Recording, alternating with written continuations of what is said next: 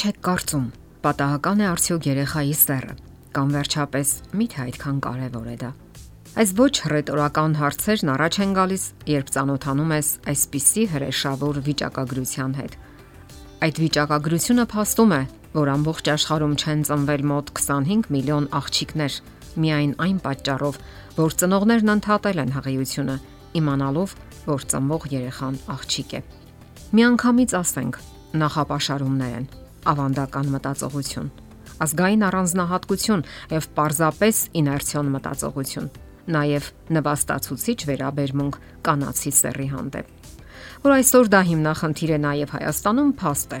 պտղի սերով պայմանավորված հղիությունների արհեստական ընդհատումների կամ որ նույնն է աբորտների թիվը բավականաչափ խոսուն է եւ նույնիսկ ծրագրեր են գործի դրվել կանխելու այդ բարբարոսական վերաբերմունքը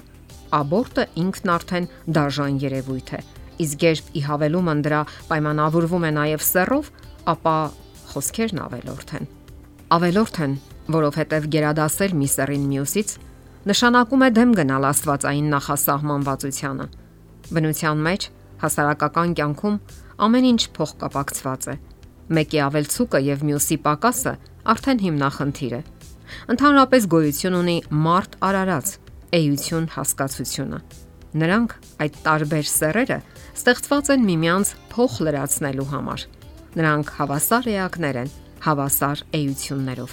Եթե տարբեր են ֆունկցիաները, ապա դա ոչինչ չի նշանակում։ Նրանք այդ տարբեր էակները այնքան հրաշալի ու ներդաշնակ են արարված, որ լրացնում են միմյանց։ Իսկ երբ միաբանվում են ամուսնական ուխտով, ապա արդյունքում շարունակվում է մարդկային սեռը։ Միաբանության արդյունքում ծնվում է երեխան, ով շարունակում է մարդկության ծննդաբերության ընթացքը։ Ահա թե ինչու այդ ֆոնի վրա նույնիսկ ծիծաղաշարժ է հնչում, թե ով է ավելի գերադասելի։ Մարդիկ փորձում են ծրագրավորել ամեն ինչ, նույնիսկ երեխայի սեռը։ Նրանք պատրաստվում են, անուններ մտածում, սննդակարգ մշակում, պատկերացնում թե ինչպես են մեքենա գնում, զբոսնում տղայի հետ եւ այլն։ Եվ հանկարծ մեծ հիասթափություն ծնվում է աղջիկ։ Այս ամենը միայն լրացուցիչ ծանրաբեռնվածություն է, թե ծնողների, թե ապագա երեխայի համար։ Ընթունված է մտածել, որ տղաներն են ծխեցնում օջախի ծուխը, սակայն տրամաբանական հարց է, իսկ ում միջոցով։ Եվ վերջապես անցել են այն ժամանակները, երբ ծանրաբեռնվածությունն ընկնում էր միայն տղաների ուսերին։ Փաստերն այսօր միանգամայն այլ պատկեր են բացում մեր առաջ Պարզվում է, որ ծերանոցներում բնակվող մարդկանց մեծ մասը տղա երեխա ունի, իսկ ահաշատ աղջիկներ ամենայն պատասխանատվությամբ հոգում են իրենց տարեց ու անպաշտպան ծնողների կարիքները։ Հետաքրքիր է, որ նույնիսկ գոյություն ունեն սնոտի հավատալիքներ, թե ինչպես անեն, որ տղա ծնվի կամ աղջիկ։ Ասենք բարձի տակ դրել են կացին, հույս ունենալով, որ կծնվի տղա, որpիսի կացնով գործանի։ Կամ տղա ունենալու համար հարկավոր է շատ միս ուտել, Կամ ասենք, եթե կինը տգեղանում է, ուրեմն աղջիկ է ծնվելու, իսկ եթե գեղեցկանում է, ապա տղա է ծնվելու։ Նույնիսկ այն կարծիքը կար, որ տղան ծնվում է ըստ ծնողների արժանինքների, իսկ աղջիկը որպես մեղքերի հատուցում։ Ինչքան էլ ծիծաղաշարժ լինի, որոշ մարդիկ հավատում էին նման բաների, եւ այսօրինակ մտածողությունը դառնում է լուրջ հիմնախնդիր տվյալ երկրի կամ ազգի համար հատկապես ասիական երկրներում։ Չինաստանում, նույնիսկ Հնդկաստանում սեռը որոշելու համար արվող սոնոգրաֆիայից հետո աբորտների թիվը մեծապես աճում է։ Հարկավոր է միանգամայն խաղաղ ընդունել երեխայի սեռը։ Մարդկանց մեծ մասը այդպես էլ անում է։ Պարզապես հիշենք, պատահականություններ չեն լինում։ Եթե տղա է ծնվում, դուք որոշակի խնդիրներ եք լուծում։ Եթե աղջիկ է ծնվում, դուք այլ տեսակի խնդիրներ եք լուծում։ Բնության մեջ, ինչպես նաև հասարակական կյանքում եւ ընտանեկան կյանքում ամեն ինչ կարգավորված ու ներդաշնակ է։ Նաև մարդու անհատական անձնական կյանքում։ Այնքան էլ թեթև չէ տղաների հետ կապված հիմնախնդիրները լուծելը։ Նրանք ավելի շատ են ընկնում կախվածությունների մեջ, ալկոհոլ, ծխախոտ, թմրամիջոցներ, տղայական կռիվներ, բանակի հետ կապված հիմնախնդիրներ, դասերակցական որոշ հիմնախնդիրներ։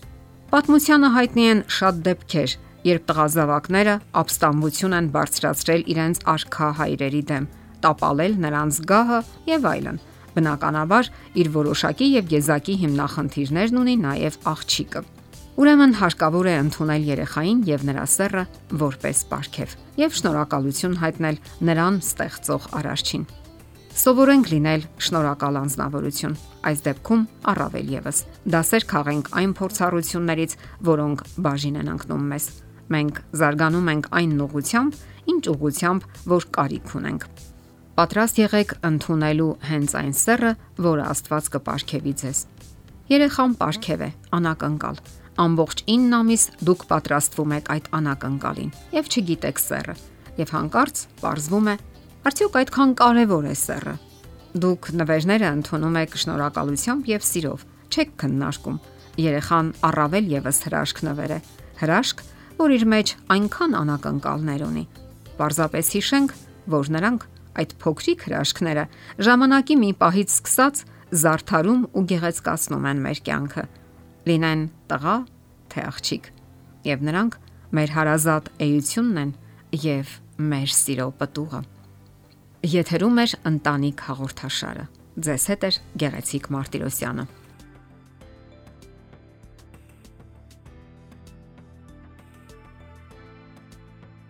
Հարցերի եւ առաջարկությունների դեպքում զանգահարեք 041 08 20 93 հեռախոսահամարով։ Հետևեք մեզ hopmedia.am հասցեով։